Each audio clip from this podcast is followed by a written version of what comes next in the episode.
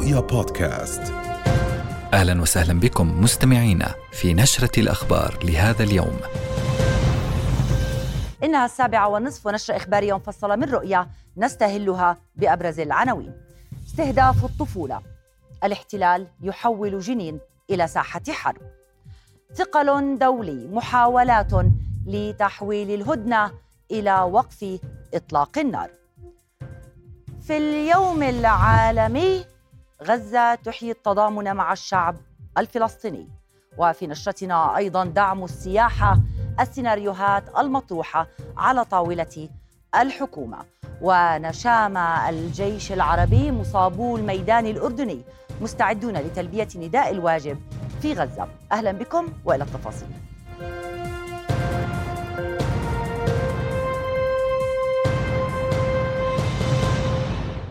انسحب جيش الاحتلال الإسرائيلي من مدينة جنين ومخيمها بعد 18 ساعة من القتل والتجريف والترويع مخلفا أربعة شهداء من بينهم قائد كتيبة جنين محمد زبيدي وطفلان. وتخلل الاقتحام اعتقالات وجرف طرقات وتفجير منازل وتدمير محال تجارية. وأكدت مصادر محلية أن جنود الاحتلال أعدموا بالرصاص الطفلين آدم الغول وباسل أبو الوفا في حي البساتين وتركوهما ينزفان بمنع المواطنين والمسعفين من الوصول إليهما. وتحت تهديد السلاح أرغمت قوات الاحتلال الأهالي في حي الدمج على إخلاء منازلهم بعد عملية تدمير واسعة للمنازل والشوارع.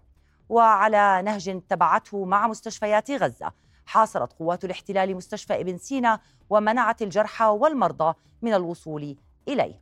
ومنذ السابع من أكتوبر تشرين الأول الماضي يكثف جيش الاحتلال عمليات الاقتحام والاعتقال في مدن وبلدات الضفة الغربية. وأسفر عدوانه عن 242 شهيدا وأكثر من 3000 جريح بالإضافة إلى اعتقال 3325 الاحتلال بدوش بدوش مبرر مشان يقتل. بقتل قاعد فينا بذبح بالأم الإسلام بالشعب الفلسطيني. هي جزء من أمي مليارين مسلم من الوريد إلى الوريد. ولا أحد يحرك ساكن. جيوش الأمة كلها ترابضة في معسكراتها وأطفال بدفعوا الثمن. فلسطين عروس وبدنا ندفع مهرها من دمائنا. فقط. وبدنا تتحرر فلسطين. اليوم بشرة بشرة السنة الجاية تتحرر مراسل رؤيا كان في مخيم جنين ورصد الاشتباكات وحالة الدمار هناك. إذا هنا رصدنا معكم هذا الاشتباك المسلح الذي خاضته قوات الاحتلال مع مقاومين داخل حارة الدمج آه، هنا في الجهة الشرقية من مخيم جنين حيث يواصل الاحتلال عمليته العسكرية التي بدأت تمام الثامنة من مساء الليلة الماضية في ظل هذه التعزيزات العسكرية الموجودة هنا. إذا هذا هو الاشتباك. المسلح يتجدد.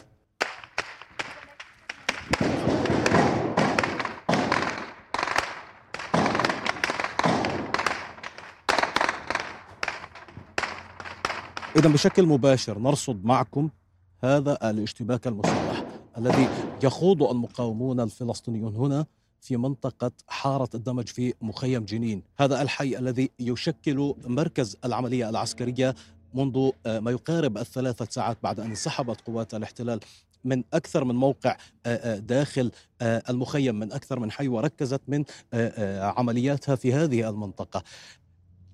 إذا حالة من الاستنفار في صفوف جنود الاحتلال بعد تعرضهم لإطلاق نار. مرة أخرى تعود الاشتباكات. هناك قناصة في محيط المكان رغم ذلك الاشتباكات مستمرة من داخل المخيم من داخل هذه المنطقة من حارة الدمج. يتصدى مقاومون لعملية الاقتحام التي ينفذها الاحتلال في ظل انتشار لآليات الاحتلال على المفترقات المؤدية إلى هذه المنطقة. من مخيم جنين شمال الضفة الغربية المحتلة حافظ أبو صبرة في سادس أيام الهدنة أعلنت هيئة الأسرى والمحررين الفلسطينية أسماء ثلاثين أسيرا سيطلق الاحتلال سراحهم مساء مقابل استلامه 12 12 رهينة من بينهم اثنان يحملان الجنسية الروسية. وفي الدفعة الخامسة أمس أطلقت سلطات الاحتلال سراح 30 أسيرا من الأطفال والنساء. مقابل تسليم المقاومة 12 محتجزا لديها عبر الصليب الأحمر الدولي. ومنذ يوم الجمعة الماضي وعلى مدار خمسة أيام استلمت سلطات الاحتلال 60 محتجزا في غزة من النساء والأطفال مقابل إفراجها عن 180 فلسطينيا من الأسرى النساء والأطفال في سجونها بموجب صفقة التبادل. وفي سياق متصل دخلت نحو 242 شاحنة مساعدات إلى قطاع غزة عبر معبر رفح إضافة إلى سبع شاحنات وقود وغاز. هذا وتبادل الاحتلال والمقاومة الفلسطينية الإفراج عن نساء وأطفال في الأيام الخمسة الأولى من صفقة تبادل الأسرى مقرونة بهدنة إنسانية على أن تبيض سجون الاحتلال. هذا هو كان هدف المقاومة الذي أعلنته عقب احتجازها عشرات الإسرائيليين في هجومها المزلزل في السابع من أكتوبر الماضي. فمن هي أبرز الرموز القيادية في سجون الاحتلال؟ تضييق في الأسر والحرية. هذا هو حال عائلة السلايمة في القدس المحتلة التي وثقت لانتهاكات الاحتلال من خلال كاميرات مثبتة أمام بيتها خلال استقبال طفلها من الأسر. نتواجد الآن في حيوات قدوم ببلدة سلوان جنوب المسجد الأقصى المبارك. بانتظار وصول أصغر أسير مقدسي في سجون الاحتلال أحمد سلايمة ولكن في مدينة القدس المعاناة مضاعفة نتيجة اعتداءات الاحتلال وانتهاكاته المتواصلة. سنأخذكم معنا هذه الليلة برحلة محاولة توثيق لحظة وصول الأسير إلى منزله. وصلنا منزل عائلة السلايمة قبل ساعات من بدء عملية تسليم الأسرى المقدسيين استباقا لإغلاقات شرطة الاحتلال للبلدة. فاستقبلتنا عائلة الطفل أحمد سلايمة بمنزل عمه كي لا يكون ضمن المنازل التي يقتحمها الاحتلال بالتزامن مع لحظة الإفراج عن الأسرى.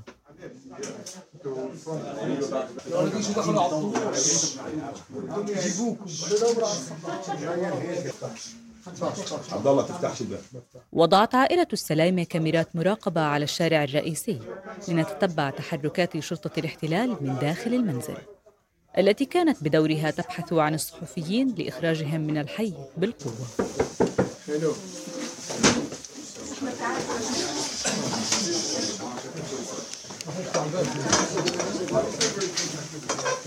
اقتربت قوات الاحتلال من المنزل الذي كنا نتواجد فيه فطالبتنا العائلة بالاختباء سريعا داخل إحدى الغرف كي لا يكشف الأمر. وبعد ساعات من عمليات كر وفر بين الصحفيين وقوات الاحتلال.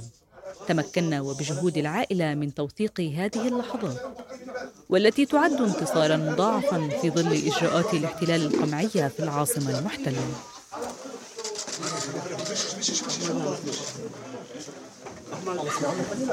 أنا ما سلمتش عليك كمان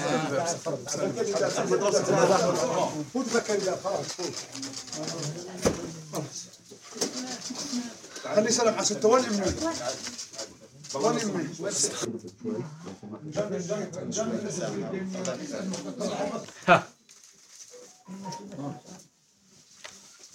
وصل أحمد المنزل وتناول أول مقلوبة بعد الحرية. لكن وبعد ساعات لازلنا نتواجد داخل المنزل لأن الاحتلال يواصل حصار المنازل الأسرى المحررين في مدينة القدس. من داخل منزل الأسير الطفل المحرر أحمد سلايمة من حي وادي القدوم ببلدة سلوان.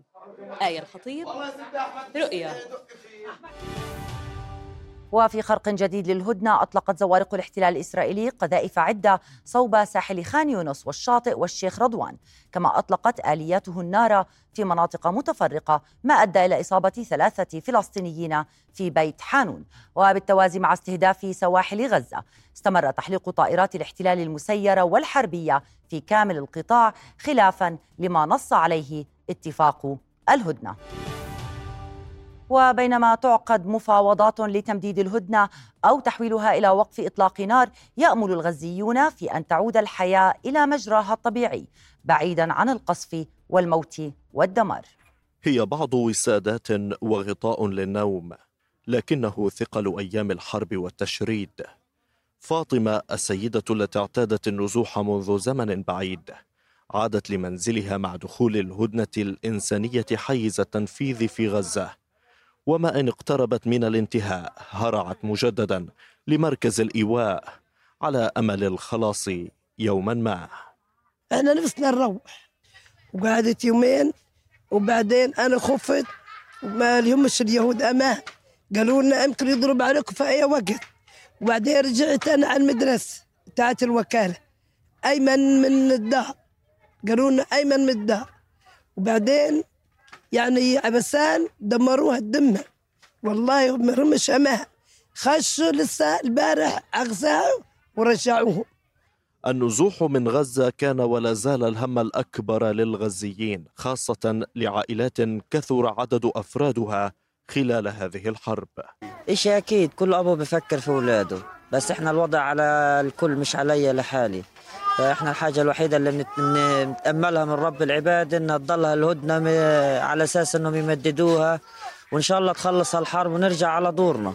أما نحن عيشتنا في المدارس مش عيشة. لا قادرين نطعم أولادنا ولا نشربهم واللي بيجينا إشي بسيط شيء لا يذكر زي ما بقولوها يعني. فمضطرين لهيك أمر. نستنى الهدنة إن شاء الله. أول طريق الهدنة نرجع على دورنا مش هنستنى ولا دقيقة. حتى لو كانت مهدومة نحط خيمة على الردم أحسن من العيشة اللي قاعدين فيها وفي كل مرة تقفز آمال الغزيين للعودة للحياة الطبيعية ترتد لتعود للمربع الأول. في ظل التخبط الذي تشهده مفاوضات السياسيين لوقف إطلاق النار. ومع أخبار الهدنة المتزايدة والمباحثات المستمرة بين الأطراف المتنازعة وكذلك الوسطاء يمني الفلسطينيون هنا النفس بأن تنتهي هذه الحرب بأي شكل من الأشكال لتنتهي المعاناة التي يعيشونها داخل مراكز الإيواء. غزة العلول رؤيا قطاع غزة. أكد المتحدث باسم وزارة الصحة في غزة أشرف القدرة أن الاحتلال يمنع دخول الوقود إلى المستشفيات شمالي القطاع قائلا إن الاحتلال يريد أن يبقي الهدنة خارج إطار الإغاثة المطلوبة لسكان غزة. من جانبه حمل مدير عام الوزارة الدكتور منير البرش الاحتلال الإسرائيلي مسؤولية موت المرضى في مستشفى مستشفيي العودة وكمال عدوان شمالي القطاع مشيرا إلى وجود نحو 600 مريض في غزة بحاجة إلى غسيل الكلى ثلاث مرات أسبوعيا ولا يجدون العلاج. وتمكنت فرق الطوارئ من انتشال 160 جثمانا لشهداء من مدينة غزة والشمال خلال 24 ساعة. دموع وأوجاع في قلوب وأعين الغزيين الذين يهربون من ذكرياتهم المدفونة تحت الركام والوتر. لكن هذا لم يمنعهم من الصمود والوقوف مرة أخرى املا في بناء حلم جديد وسط الألم. شقى عمري كله شقى زماني يا ربي.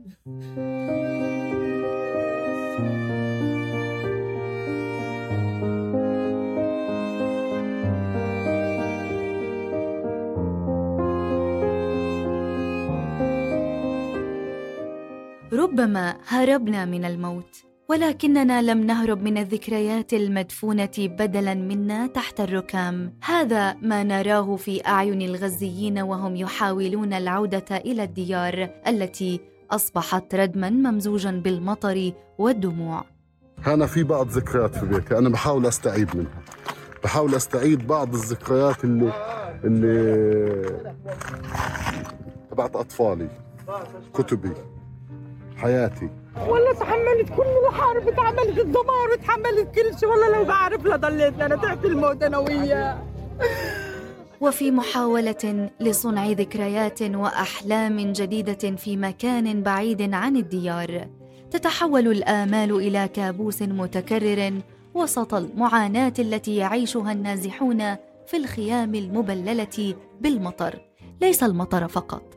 فدموع الأمهات حسرة على أطفالهن وبيوتهن تشعرهن بالعجز عند النظر لحالهن والنتيجة تكون البكاء والدعاء. ما في نظافه هنا ما فيش رعاية للطفل هنا ما فيش اهتمام إيه، حتى الحليب يا دوب يا دوب وكل لو بدي أروح أجيب رعاية من الصيدلية مش متوفرة. فمتى متى بدك هيك إحنا بدنا حياه بدنا حياة وأمل واستقرار بدنا عيشة عيشة زي ما عيشت كل البلدان بعيشوا ملابسنا تبهدلت من المية إحراماتنا كلها مية. تمام إحنا بنعاني معاناة شديدة ملناش مأوى ولا عارفين وين نروح. نشدنا الدنيا كلها. تعالي يا عم نصبوا لنا خيمة. كنا حل في الوضع اللي إحنا بنعيش فيه. أنا عندي بنات. آه ما عرفناش الليلة وين ننام. الوصول إلى المخيم لا يعني نهاية المعاناة ولكن الغزيين يتعلمون من المطر معنى العطاء والأمل فهم أناس يحبون الحياة ما استطاعوا إليها سبيلا. أثبتوا للعالم أنه وإن أغرقهم العدو في طوفان القصف والقنابل يصنعون طوفانا من المقاومة.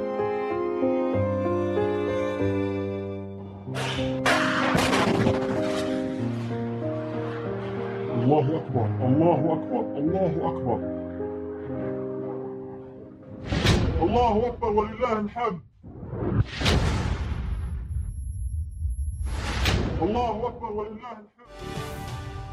بدأت قبل قليل عملية إطلاق سراح المعتقلين لدى المقاومة ليتبعها إطلاق سراح الأسرى الفلسطينيين في سجون الاحتلال. مباشرة من محيط سجن عوفر تنضم إلينا مراسلتنا أسيل سليمان. أهلا بك أسيل. أسيل ماذا توفر لديك من معلومات عن صفقة التبادل في دفعتها السادسة اليوم؟ نعم بالحديث بداية عن الأرقام أو أعداد الأسرى الذين سيتم الإفراج عنهم اليوم سيكونون عبارة عن 30 أسير وأسيرة 15 منهم من الأشبال و15 أسيرة أيضا ستكون ضمن هذه الدفعة السادسة من الأسرى الذين سيتم إطلاق سراحهم اليوم. نحن في اليوم السادس والأخير حتى الآن في هذه الصفقة أو صفقة التبادل التي تصحبها هدنة مؤقتة في قطاع غزة وإيقاف للعمليات العسكرية في جميع أنحاء القطاع وإيقاف أيضا للطيران العسكري الإسرائيلي في أجواء القطاع سواء في الوسط أو الجنوب. ما عدا الشمال الذي سيتوقف فيه طيران الاستطلاع الإسرائيلي لمدة ست ساعات يوميا آه، فقط. هذا هو التجديد الثاني أو عفوا التمديد الأول للهدنة آه، كانت عبارة عن أربع أيام في البداية مددت ليومين إضافيين وهذا هو اليوم الأخير للتمديد الأول. يجري الحديث منذ عدة ساعات عن توصل واتفاق آه، أو توصلا لاتفاق ينص على التمديد ليومين إضافيين. في الحقيقة هذا هؤلاء أو, أو هذان اليومين قد يمتدان إلى أربعة أيام. في الحقيقة لتصبح أيام الهدنة بشكل كامل عشرة أيام. قالت حكومة الاحتلال إنها غير مستعدة لأن تمدد ساعة واحدة من الهدنة أو ساعة واحدة من إيقاف إطلاق النار في قطاع غزة بعد العشرة أيام. في حال بالفعل وصلت الهدنة إلى ذلك بعد تمديدها. هذا من جهة. من جهة أخرى المباحثات الآن تدور حول فكرة التوصل إلى وقف تام لإطلاق النار لمدة شهر والحديث عن مبادلة أقسام أخرى من الأسرى أو تصنيفات أخرى والحديث يدور عن جنود آه، صهاينة يخدمون في جيش آه، الاحتلال حاليا وهم من, من الذين أسروا خلال السابع من أكتوبر وبعد ذلك. مقابل أسرى فلسطينيين محكومياتهم عالية ومحكومون أغلبهم بالمؤبد. نتحدث عن 550 أسيرا من ذوي الأحكام العالية والمؤبدات أيضا. منهم طبعا قيادات بارزين في المقاومة الفلسطينية سواء القسام أو حماس أو الجبهة الشعبية وغيرها من الفصائل الفلسطينية. وهؤلاء لا أعتقد آه، ولا يعتقد أيضا محللون أن إسرائيل ستكون مستعدة للحديث عنهم بأنها تعلم أن الثمن آه، آه، سيكون غاليا سواء في حال دفعته سياسيا أو على صعيد الشارع الإسرائيلي لديها والذي أصلا تواجه وضعا متقلقلا معه منذ الأسبوع الثاني للحرب على قطاع غزة من ناحية المظاهرات التي بدأت تنطلق مطالبة طبعا من قبل أهالي الاسرى الصهاينة لدى حماس مطالبة برجوع أبنائهم وإعادة إعادة الحكومة لأبنائهم في آه، قطاع غزة. هذا من جهة. من جهة أخرى نحن الآن في محيط سجن عوفر. ننتظر آه، إطلاق آه، حافلات الصليب الأحمر من سجن عوفر. غير معلوم أين سيكون نقطة التسليم ولكن تبعا للأيام الخمسة الماضية. من المرجح أن تكون نقطة التسليم هي ذاتها أي سج عفوا حاجز عوفر العسكري غرب رام الله حيث ستنطلق حافلات الصليب الأحمر من داخل السجن محملة بالثلاثين أسير وأسيرة ومن ثم يستقبلهم الأهالي في ساحة بلدية رام الله آه، اليوم. هذا هو الواضح آه، حتى آه، الآن. لم يتم التأكيد بعد على تمديد الهدنة يومين إضافيين بعد التمديد الأول الذي نشهد ونعيش آخر أيامه في الحقيقة. ولكن نأمل ألا يتم على الأقل تأخير خروج الأسرى اليوم حيث أن هناك عائلات تنتظر خروج أبنائها لتعود بهم إلى قرى ومدن الشمال والجنوب حيث تنتمي هذه العائلات وتتواجد بيوتها. ما يعني أن عليهم السفر مسافات uit تبلغ في السيارة أو تقطعها السيارة خلال ساعتين إلى ثلاثة خاصة مع الإغلاقات التي آه، آه، يعني باتت قوات الاحتلال تشددها منذ السابع من أكتوبر واعتداءات المستوطنين الخطيرة جدا آه، وأيضا الحواجز الطيارة أي المفاجئة التي تنصبها قوات الاحتلال على الطرق بين المدن والقرى الفلسطينية. فيما يتعلق في الأوضاع في الضفة الغربية فالأوضاع غير مستقرة في الحقيقة أربعة شهداء منذ الليلة الماضية في اقتحام مخيم جنين لوحده والمدينة أيضا. و أكثر من 35 حالة اعتقال ليرتفع عدد المعتقلين منذ السابع من أكتوبر إلى 3300 معتقل جديد. أما العدد الكلي للأسرى في سجون الاحتلال فتجاوز بالتأكيد 8500 أسير على الاحتلال أن يعلم بحسب ما يقول محللين أن ذلك أي الاعتقالات اليومية فقط تزيد من الثمن الذي ستدفعه حكومة الاحتلال من هنا حتى تنتهي الحرب لأن المقاومة لن تسمح بانتهاء الحرب دون تحقيق أحد أهدافها من هذا أو من العملية العسكرية أي طوفان الأقصى أصلا وهي تبييض السجون, السجون. وكلما نعم زاد عدد الأسرى في سجون الاحتلال نعم سيتعين على الاحتلال دفع ثمن أكبر في الحقيقة. نعم شكرا لك أسير سليمان. كنت معنا المحيط السجن عوفر المقام على أراضي بلدة بيتونيا. في يوم التضامن العالمي مع الشعب الفلسطيني وبعد 30 عاما على توقيع اتفاق أوسلو الذي ذهب أدراج الرياح تأتي الحرب التي يشنها الاحتلال الإسرائيلي على غزة لتعيد وضع القضية الفلسطينية على سلم أولويات السياسيين الذين يقودون حراكا دبلوماسيا متفاوتا في الطرح والتوجهات. مثلما جاء اتفاق أوسلو ليفتح صفحة جديدة في كتاب تاريخ القضية الفلسطينية في تسعينيات القرن الماضي. حضرت غزة والسابع من أكتوبر من هذا العام لتفرض واقعا جديدا على العالم أجمع ونظرته لهذه القضية التي كادت أن تطوى كل صفحاتها بالنسيان.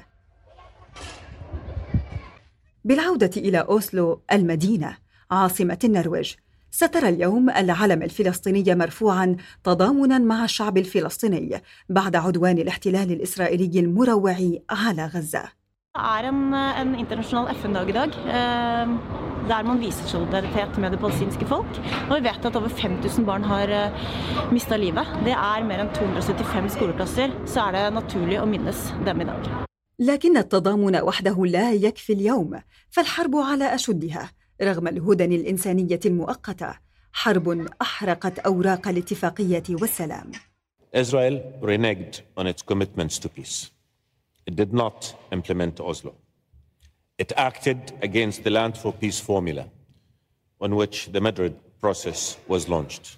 غزة وضعت عالمنا على مفترق طريق يختار فيه سالكه الحرب أو السلام وقبل شهر من الحرب في مقال نشرته صحيفة فاينانشال تايمز يحذر أحد مهندسي اتفاق أوسلو جان إيغلاند من الانتظار ثلاثين عاما أخرى لتحقيق اختراق آخر أكثر نجاحا لكنه يرى في الوقت ذاته أن اتفاق أوسلو قد مات But the Oslo Accord is gone as an accord. Now there will be another accord and, and, and it will have to be led by the US, the EU and the Arab countries. إيغلاند كان قد تحدث في مقاله أيضا عن إمكانية وضع حد للاحتلال الوحشي وحذر من أن الحياة اليومية للعديد من الفلسطينيين أصبحت الآن عبارة عن دورة لا نهاية لها من اليأس والإذلال والعنف حقيقة تكشفت اليوم أمام العالم بفضل غزة التي وضعت القضية الفلسطينية تحت المجهر لمن يريد أن يرى. إذا يحيي الفلسطينيون وسائر العرب يوم التضامن مع الشعب الفلسطيني وكذلك تحل اليوم ذكرى قرار تقسيم فلسطين الأممي عام 1947 فلسطين العربية عبر العصور. فمنذ القدم أي قبل الميلاد بآلاف السنين احتضنت فلسطين الكنعانيين العرب. وحافظت على اسمها في كل مراحل الإمبراطوريات والممالك من الفرس والرومان وحتى الفتح الإسلامي الذي عاش في ظله المسلمون والمسيحيون واليهود. وفي العصر الحديث أي قبل عام 1947 كانت أملاك اليهود تشكل 26% من مساحة فلسطين. في عام 1947 جاء قرار التقسيم رقم 181 وقسمت إلى ثلاثة كيانات. فلسطين 11 كيلومتر مربع وتشكل 42.3% من المساحة. دولة يهودية وتشكل 57.7% ومنطقة دولية في القدس وبيت لحم. في عام 48 كانت النكبة وخسر الفلسطينيون معظم وطنهم باستثناء الضفة الغربية وقطاع غزة. التوسع الصهيوني استمر في عام النكسة 67 عندما احتلت الضفة الغربية وقطاع غزة. وفي خطوة لإنهاء الصراع العربي الإسرائيلي ظهرت أطروحة حل الدولتين عام 1993 استعد حينها الفلسطينيون لخسارة 20% من الدولة المرسومة لهم في قرار 181 عام 1947 وبعد 30 عاما على اتفاقات أوسلو ومع سياسة التهجير والاستيطان أصبح 76% من الضفة الغربية ضمن سيطرة الاحتلال. 63% من تلك المساحة تحت رحمة مجالس المستعمرات ليضاف إلى ذلك جدار الفصل العنصري الذي يعزل 10% من الضفة الغربية. وبين عام 67 و 2022 استولى الاحتلال على 353 ألف دنم كمحميات طبيعية تمهيدا لضمها. واليوم وفي ظل سياسات الاحتلال التوسعية يسيطر الاحتلال على 85% من مساحة فلسطين ويبطش بالجزء المتبقي من هذا الوطن. في عالم المال والأعمال قراءة في تداعيات العدوان الإسرائيلي على القطاع السياحي. إليك حمدان. شكرا لنا.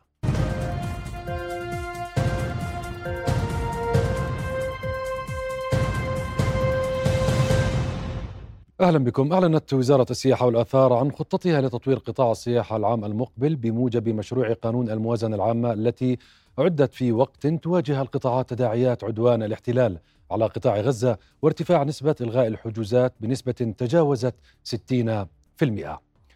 الوزارة توقعت أن يصل عدد السياح في الأردن خلال العام المقبل إلى خمسة ملايين وثلاثمائة ألف سائح عبر تنفيذ أنشطة تسويقية وترويجية للأسواق المستهدفة وتسويق السياحة بكافة أنماطها والاستمرار أيضا بتنفيذ وتطوير برامج أردننا جنة. وأيضا توقعت أن يسجل الدخل السياحي ارتفاعا إلى أربعة مليارات وتسعمائة ألف دينار خلال العام المقبل من خلال زيادة استقطاب أعداد شركات الطيران العارض ومنخفض التكاليف وزيادة عدد الواجهات والرحلات القادمة إلى الأردن إلى جانب استهداف أيضا أسواق جديدة للتخفيف من مشكلة موسمية الطلب على السياحة. واستهداف الوزارة تحقيق القطاع السياحي قرابة خمسة مليارات دينار من الناتج المحلي الإجمالي العام المقبل عبر تطوير المواقع والخدمات السياحية. وحددت الوزارة أيضا هدفا بزيادة حجم الاستثمارات في القطاع ضعف ما حققه العام الحالي ليصل إلى 100 مليون دينار عبر حصر وتصنيف الفرص الاستثمارية واختيار 20 فرصة ذات أولوية. ومع استمرار عدوان كيان الاحتلال الغاشم على قطاع غزة بدأت الحجوزات السياحية الوافدة إلى المملكة تتجه إلى الإلغاء أو التأجيل. وأدى هذا العدوان إلى تراجع ملحوظ في أعداد السياح كنوع من التخوف من الأوضاع الأمنية على مستوى الإقليم. تداعيات هذا العدوان على قطاع السياحة وآلية دعم القطاع نناقشها مع الخبير في قطاع السياحة ميشيل نزال. أهلا بك سيد ميشيل. مساء الخير. سيدي منذ بدأ العدوان على غزة كان هناك إلغاء حجوزات وصل إلى أكثر من 60% السؤال هو مواقع قطاع السياحة اليوم؟ آه، بالواقع آه، نعم. الإلغاءات كانت كبيرة وصعبة على القطاع. القطاع يعاني أصلا منذ جائحة كورونا ولم يتعافى بعد يتعافى قصدي كان في سياحة نعم ولكن لم يتعافى من القروض التي اضطر للاستدانة بها أثناء فترة الكورونا وما بعد.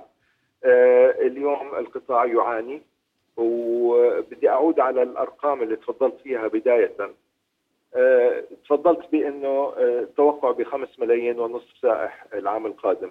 إحنا بدنا نفرز السياح أو القادمين إلى الأردن أه من غير المقيمين في الأردن إلى ثلاث مجموعات المجموعة الأولى وهي ثلث العدد اللي تفضلت فيه هم السياح العرب الخليجيين آه، وهدول لن يتأثروا نتأمل أن لا يتأثروا خلال الفصل الصيف القادم والسياحه العلاجية وسياحة التعليم الذين يأتون الأردن نعم. لتحصيل نعم. تعليمهم. إيه. الثلث الثاني هو المغتربين الأردنيين وهدول أيضا لن يتأثروا بسبب حرب غزة وهدول عادة لا يقيموا بالفنادق ولا يستعملوا المرافق السياحية سوى آه، بعض نعم. الخدمات السياحية سيد آه، ميشيل نعم يعني إحنا آه، سريعا إذا تكرمت أشكال الدعم التي من الممكن أن تقدمها الحكومة لمواجهة تداعيات العدوان على قطاع ما غزة. هو أنا- أنا جايك. الثلث الثالث اللي هن السياح الأجانب اللي من خلال بيجوا من خلال شركات طيران وطيران العارض والى آخره.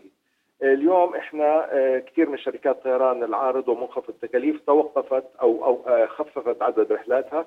وهون بيضطر إنه يكون البديل تبعنا دائما إنه الملكية الأردنية هي الناقل ال- اللي دائما موجود ودائما ممكن يغذينا. فدعم الملكية للاستمرار بالعمل هذا شيء مهم آه، لإحضار السائح بداية. ومن ثم طبعا لبقاء واستمرار القطاعات السياحية آه، آه، قائمة. يجب أن يكون هناك دعم آه، بقروض ميسرة أو دعم مباشر. يجب آه، تأمين الرواتب للموظفين آه، من خلال إيجاد صناديق دعم من خلال آه، صندوق الضمان الاجتماعي أو جهات أخرى أو من خلال قروض لأنه آه، مش آه، سنعود للسياحة سنعود خلال الاشهر القادمه ولكن لا نريد أن نخسر هؤلاء الموظفين بسبب آه، يعني- آه، تسريحهم. آه، يجب وقف ال- المطالبات والغرامات من خلال الضمان الاجتماعي شركات الكهرباء والمياه والضرائب لأنه كل المنشات الفندقيه لأنه عانت وخرجت من جائحة كورونا ما زالت بحاجة لهذا الدعم. يجب أن تتوقف كافة الرسوم والغرامات وال- والضرائب وتأجيل كافة الأقساط لاستمرارية القطاع نعم. فإيجاد قروض أساسا قروض ميسرة لغايات الاستمرار لأنه إحنا كمان بننظر لتطور القطاع السياحي بالأعوام القادمة ضرورة آه، خلق استثمارات يعني جديدة. سيد ميشيل هو يعني الدعم المادي من خلال القروض الميسرة وإلغاء الرسوم والغرامات وأيضا تأجيل الأقساط هيك إحنا بندعم قطاع السياحة في الوقت الحالي طيب.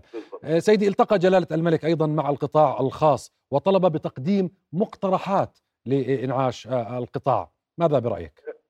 قدمنا ورقة آه، اليوم أقرناها بجمعية رجال الأعمال تشمل كافة القطاعات الاقتصادية وكافة المتطلبات لدعم واستمرار القطاع في ضوء الوضع القائم ونأمل أن تنتهي المجزرة القائمة في غزة. قريبا لأنه صراحة آه، ال- ال- الوضع لا يحتمل آه، آه، تجاه الشعب الفلسطيني هناك. ونأمل أيضا ان نخرج بعافية اقتصاديا بعد هذه هذه نعم. المصاب. نعم. سيد ميشيل بعجالة لو سمحت توقعاتكم للعام المقبل. بتوقع إنه آه، إذا إذا نظرنا إلى هدنة طويلة الأمد سنتعافى بالقطاع السياحي اعتبارا من آه، الشهر الرابع أو الخامس من العام القادم وليس بخلال أول شهرين أو ثلاثة حيث أن غالبية الحجوزات ألغيت لشهر واحد واثنين وثلاثة. نعم. الخبير في قطاع السياحة ميشيل نزال كنت معنا عبر الهاتف. شكرا جزيلا لك. حققت مؤشرات الاستثمار في الأردن نتائج إيجابية خلال التسعة أشهر الأولى من العام الحالي بحسب ما أعلنت وزارة الاستثمار. حجم الاستثمارات المستفيدة من قانون البيئة الاستثمارية ارتفع بنسبة 34% ليصل إلى 878 مليونا و500 ألف دينار مقارنة ب 656 مليونا و900 ألف دينار خلال ذات الفترة من العام الماضي. فيما بلغ عدد المشاريع الجديدة 372 مشروعا من المتوقع أن توفر 30 ألف فرصة عمل بحسب الدراسات المقدمة من قبل المستثمرين. واستحوذت مشاريع التوسعة على 49% من إجمالي المشاريع المستفيدة من القانون فيما كانت الحصة الأكبر للمشاريع الجديدة بحجم 448 مليون دينار. فيما استحوذت الاستثمارات المستفيدة من القانون خارج المناطق التنموية ما مجموعه 791 مليون دينار مقابل 87 مليون و800 ألف دينار للمشاريع داخل المناطق التنموية مشكلا ما نسبته 10% من الاستثمارات الكلية. وقطاعيا حصد قطاع الصناعة النصيب الأكبر بنسبة 64% من إجمالي الاستثمارات الكلية وقطاع التجارة ثانيا بنسبة 19% فيما استحوذ قطاع السياحة على 6% وشكلت باقي القطاعات والأنشطة الاقتصادية ما نسبته 11% من حجم الاستثمارات الكلية. طالبت هيئة تنظيم قطاع الاتصالات مستخدمي ومالكي أجهزة الهواتف اللاسلكية الأرضية قصيرة المدى الخاضعة للمواصفات الأمريكية FCC تسليمها للهيئة تجنبا للمساءلة القانونية. الهيئة أوضحت أن هذه الأجهزة غير حاصلة على الموافقات والتراخيص اللازمة من قبلها وتعمل على التداخل السلبي على أنظمة الاتصالات العاملة في المملكة. ورصدت الهيئة هذه الأجهزة من خلال سيارات المراقبة المنتشرة في المملكة حيث رجحت مصادر دخولها من خلال أفراد ليسوا على دراية بالإجراءات القانونية المتعلقة بدخول أجهزة الاتصالات. ولفتت الهيئة أن القانون يعاقب كل من أدخل أجهزة اتصال لم تحصل على موافقة رسمية بالحبس لمدة لا تزيد على شهر أو بغرامة لا تقل عن 100 دينار ولا تزيد على 500 دينار.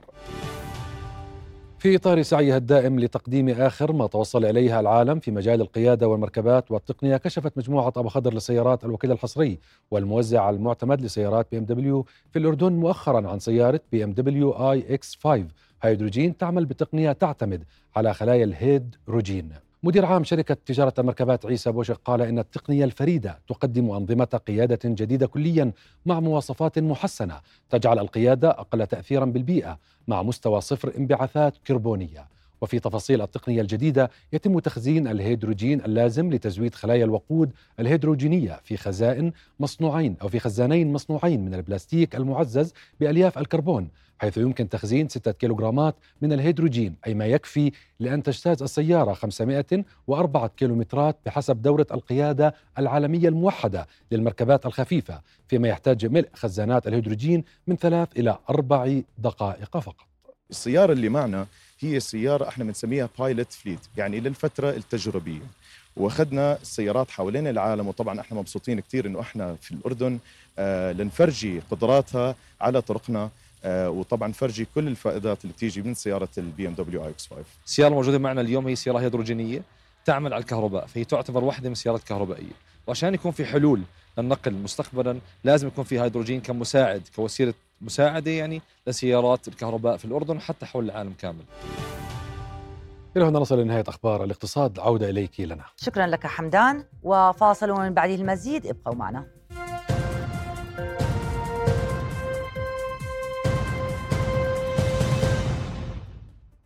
أكد مصابو المستشفى الميداني الأردني غزة 76 الذين كانوا يعملون فيه أنهم جاهزون دائما لتنفيذ أوامر القوات المسلحة ليكونوا في أي مكان لتقديم الخدمات الطبية والعسكرية. وقالوا في لقاء مع رؤية إن معنوياتهم عالية. وجرى إخلاء المصابين من الفريق الطبي الأردني العامل في المستشفى الميداني في قطاع غزة بعد تعرضه لاستهداف إسرائيلي خلال محاولة إنقاذ جرحى في محيط المستشفى. وكان ولي العهد الامير حسين بن عبد الله الثاني زار الجرحى بحضور رئيس هيئة الأركان المشتركة اللواء الركن يوسف أحمد الحنيطي واستمع إلى شرح حول حالتهم الصحية وتمنى لهم الشفاء العاجل. طلعنا نفزع للمصابين من العدوان الإسرائيلي بالقطاع وإحنا نسعف فيهم في محيط المستشفى. تعرضنا إحنا كمان للإصابات. الحمد لله كوادر المستشفى أسعفونا وقدموا لنا الرعاية الصحية المطلوبة. ثم تم إخلاءنا إلى الخدمات الطبية بعمان بتوجيهات من جلال سيدنا وإحنا آه، الآن نتلقى الرعاية الصحية. إحنا معنوياتنا عالية جدا والحمد لله وجاهزين دائما بأوامر سيدنا آه، جلالة الملك آه، عبد الله والقوات المسلحة لنكون على بأي مكان وإحنا جنود أبو حسين وكل ما أمر بنلبي له. إحنا معنوياتنا عالية جدا وجاهزين دائما بأوامر سيدنا جلالة الملك عبد الله الثاني والقوات المسلحة لنكون بأي مكان إحنا جند أبو الحسين كل ما أمر بنلبي. تشهد العديد من مناطق المملكة في هذه الأثناء وقفات تندد بوحشية الاحتلال بحق الفلسطينيين وعدوانه على قطاع غزة. نقترب أكثر من إحدى هذه الوقفات في منطقة الرابية مع مراسلنا أسامة بليبلي. أهلا بك أسامة. أسامة الأجواء باردة جدا. لكن الأردنيون يواصلون آه، وقفاتهم ماذا لديك عن وقفة الرابية اليوم؟ بالفعل لنا يعني رغم برودة الجو وانخفاض درجات الحرارة إلا أن هذه الوقفات ما زالت مستمرة حتى هذا اليوم من قبل المنظمين لها ومن قبل عدد من الشباب الذين يتواجدون في ساحة مسجد الكالوتي في منطقة الرابية للتعبير والتنديد بما يتعرض له الشعب الفلسطيني وتحديدا قطاع غزة مؤخرا حيث كانت هنالك الحرب التي بصراحة أدت إلى استشهاد الألاف من الفلسطينيين الغزيين بالإضافة إلى ما زال التصعيد المستمر في مناطق الضفة الغربية. إذا هنالك تنديد من الشعب الأردني بهذه الجرائم وهذه المسيرات والوقفات التي تنطلق وما زالت مستمرة حتى هذه الساعة يعني في منطقة ساحة الكالوتي نشاهد عدد من الذين جاءوا للمشاركة بهذه الوقفة المنددة وتحديدا في اليوم الدولي للتضامن مع الشعب الفلسطيني. وجاءت أصلا هذه الوقفة تحت هذا العنوان الذي يؤكد على حق الفلسطينيين بالعيش و حقهم بأرضهم والعيش دون حرب من قبل الكيان المحتل. يمكن أن نشير بأن في التزامن أيضا مع هذه الوقفة في منطقة ساحة الكالوتي هنالك أيضا صلاة قيام الليل ستقام اليوم في منطقة جبل المنارة عند الساعة الثامنة ونصف تقريبا. وأيضا هنالك صلاة أيضا في محافظة إربد وتحديدا عند الساعة الثامنة ونصف إذا هي المسيرات مستمرة رغم يعني أن هنالك كان مؤخرا مطالب تطالب المنظمين لهذه الوقفات بإيقافها وعدم تشكيل هذه الوقفات إلا أن ما زال الشعب الأردني مستمر في هذه الوقفات ويأتي ذلك انسجاما أيضا مع المشهد المحلي بما يتعلق للحكومة الأردنية أيضا التي حاولت جاهدة عملية إيقاف نعم هذه سامع. الحرب الممنهجة على آه، قطاع غزة وإيقافها. أيضا هنالك بعض التحركات من قبل مجلس النواب الذي هو يتحدث باسم الشعب. أيضا كان هنالك بعض القرارات الجيدة بما يتعلق في القضية الفلسطينية. نعم شكرا لك أسامة بليبلي من محيط المسجد الكالوتي في منطقة الرابية. إذا يواصل الأردنيون التعبير عن صلتهم الوثيقة بقضايا أمتهم وعلى رأسها القضية الفلسطينية وما يتعرض له قطاع غزة من إبادة جماعية وحروب وحرب شعواء ويأتي ذلك يوميا وفي كافة مناطق المملكة عبر وقفات ومسيرات وفعاليات توعوية للأطفال واليافعين حول قضايا الأمة وبما يشملها من هتافات وعروض فنية ومسرحية بالإضافة إلى حوارات فكرية تسهم في رفع الوعي بمخاطر العدوان وتبعاته على الأشقاء في فلسطين والأردن. المقاومة بما فعلته ألغت مفهوم الحسم لأن العدو الصهيوني لم يستطع أن يحسم معركته صار له خمسين يوم. وأيضا كل الخسائر التي وقعت لم توقع الرعب أو الردع أو الخوف بقلوب أهل غزة والمقاومة فيطلبوا وقف إطلاق النار بل العكس من يطلب وقف إطلاق النار هو العدو الصهيوني. والمقاومة وأهل غزة والضفة وعندهم قدرة على الاستمرار ويترافعوا عن كل هذه الخسائر ويحتسبوها عند الله. مسيرتنا اليوم هي عبارة عن جزء من الفعاليات المتتابعة والمتتالية نصرة لأهلنا على أرض فلسطين عموما وعلى أرض غزة خصوصا هؤلاء الذين رفعوا آه، رأس الأمة عاليا وهم خط الدفاع الأول عن أمة العربية والإسلامية وعن أرض الأردن وأهل الأردن. فمصيرنا واحد وتاريخنا واحد وآلامنا في الأردن وفلسطين واحدة. المشاركة اليوم في المسيرة هي واجب وأقل واجب ممكن نقدمه تجاه أهلنا في غزة. وهي دليل على أنه الشعب الأردني ربط مصيره بمصير أهلنا في غزة وأهلنا في فلسطين. ختام نشرتنا الإخبارية بأمان الله.